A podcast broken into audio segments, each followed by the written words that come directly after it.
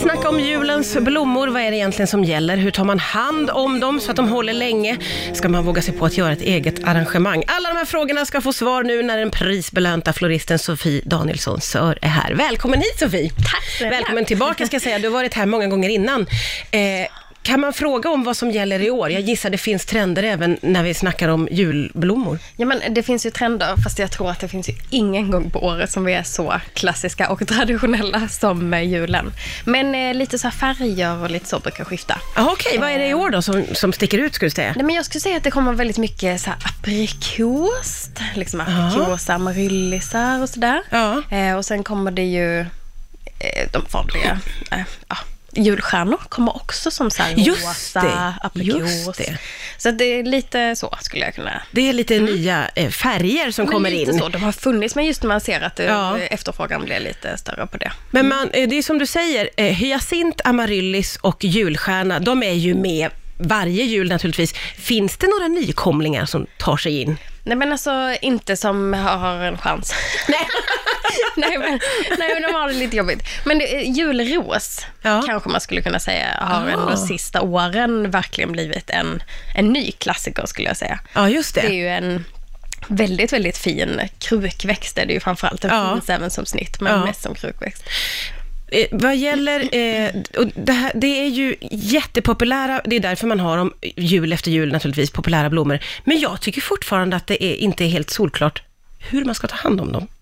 Eh, och jag är ju galen, galen i hyacinter. Det är det bästa jag vet. När de där små lökarna dyker upp och man får ta hem dem. Och är det doften då? Eller Ja, det är bara- både. Det är doften är ju helt fantastisk. Ja. Det signalerar ju barndomsjul. eh, Och så är de ju så himla söta. Jag blev så glad för några år sedan när jag hittade de här snitthyacinterna som man kan ha som en Underbart. Men de här på lök, hur tar man hand om dem egentligen?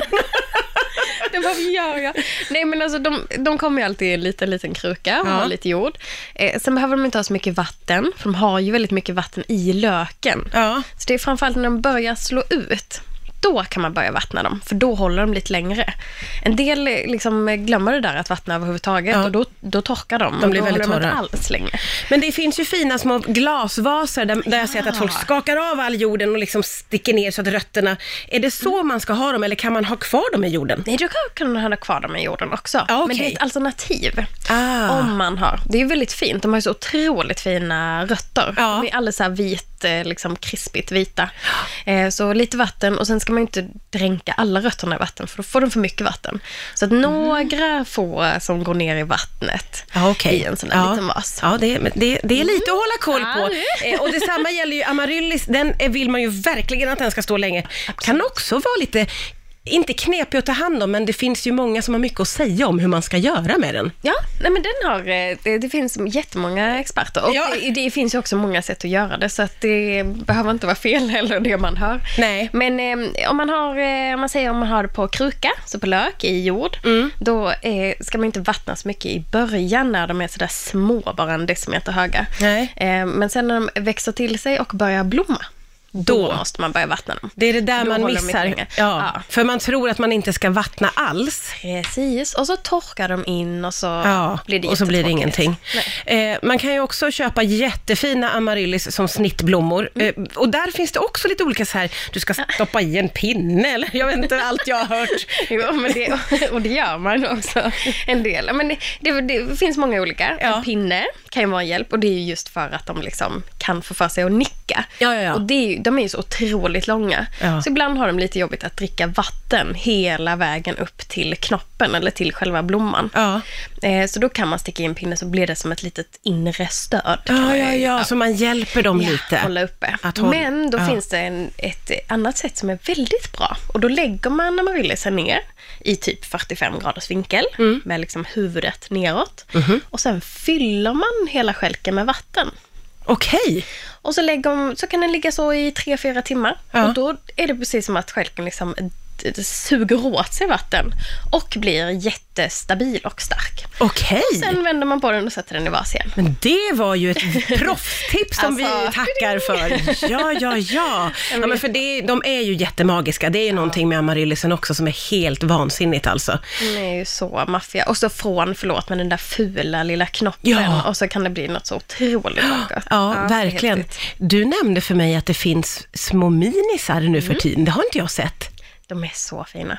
Typ som, ja, men som en mini-amaryllis. Ja. Så den är precis likadan, har också en ihålig stjälk, men är mindre. Och är så fin. Den blir så näpen, liksom. Blir som en liten, ja. Och finns både på lök och som Ah, snitt. okej. Men snitt är min nya, oh, Ja, fina. och det har jag inte sett, men det ska jag verkligen hålla ögonen öppna efter, för det är jag jättesugen på. Vad har du själv för favoriter där hemma när det vankas jul? Man vill fråga floristen. Ja, jag bara, uh-oh. Nej, men det är nog amaryllisar. Ja, det är det. Absolut. Och i år Ja. blir det mini-amaryllisar. Ja, just det. Mycket. Ja. Eh, det skulle jag säga. Och sen är- vi är jag väldigt svag för alltså, att ta in så här, gran, tall. Det där mycket. älskar ju jag också så jättemycket. Åh, vad roligt att du sa det. Eh, för det undrar ju jag, liksom, eh, kan man kombinera det med blommor? Eller det får Ja. stå för sig själv, eller hur nej, tänker du? Nej, kombinera. Och typ som du, om du älskar så här, snitthyacinter. Ja. Det är ju så fint att ha lite tallkvistar i det. Eller så. Åh, gud, vilket bra tips. Väldigt vackert. Ja, det är mysigt när man får in gran. Alltså, Ja, men och det de blir där, det ja, ju. Ja. väldigt, väldigt fint. Jag tror så här, det är ganska häftigt med julen att man vill ta in det levande så. Man tar ju till och med in en stor gran. Ja, ja, ja, visst. Men just att det hör till att få in Ja. lite blommor. Ja, det gör det verkligen. Du, eh, 10-talet går mot sitt slut. Kan man sammanfatta det eh, vad gäller blomster på något sätt, skulle du säga? Ehm, ja, men eh, jag skulle säga att 10-talet, eh, det höll väl liksom i lite från 00-talet med det här strikta, raka pinnar, eh, lite stilrent så Mm. kanske. Man eh, gjorde mycket brudbuketter som var som bollar. Ja, just det. Perfekta rosbollar. Eh, och det skulle man ju kunna säga att det är ju totalt borta nu. Nu är det ju bara vilt, eh, härligt, spretigt, eh, handplockat eh, ja, och även torkat. Då.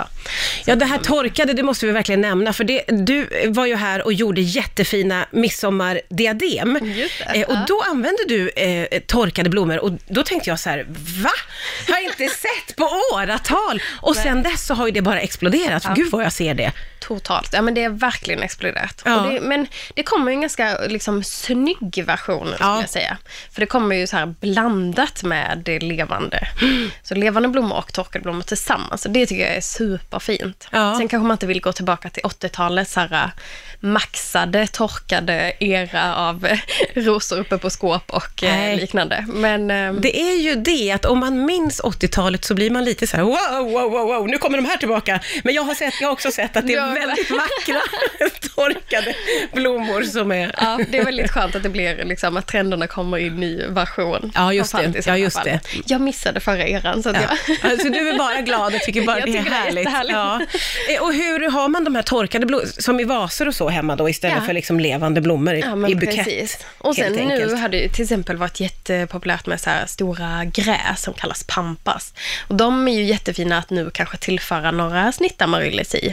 alltså att man kan kombinera det. Mm, Ja, du vågar man blanda lite. Ja, det är väldigt fint. Ja, ja, ja. ja, men jättebra tips som vanligt. Så himla roligt eh, att få träffa er. Jag får önska dig god jul och gott nytt år. Tack detsamma. Så hoppas jag att vi ses nästa år igen. Det gör Tack snälla Sofie Danielsson.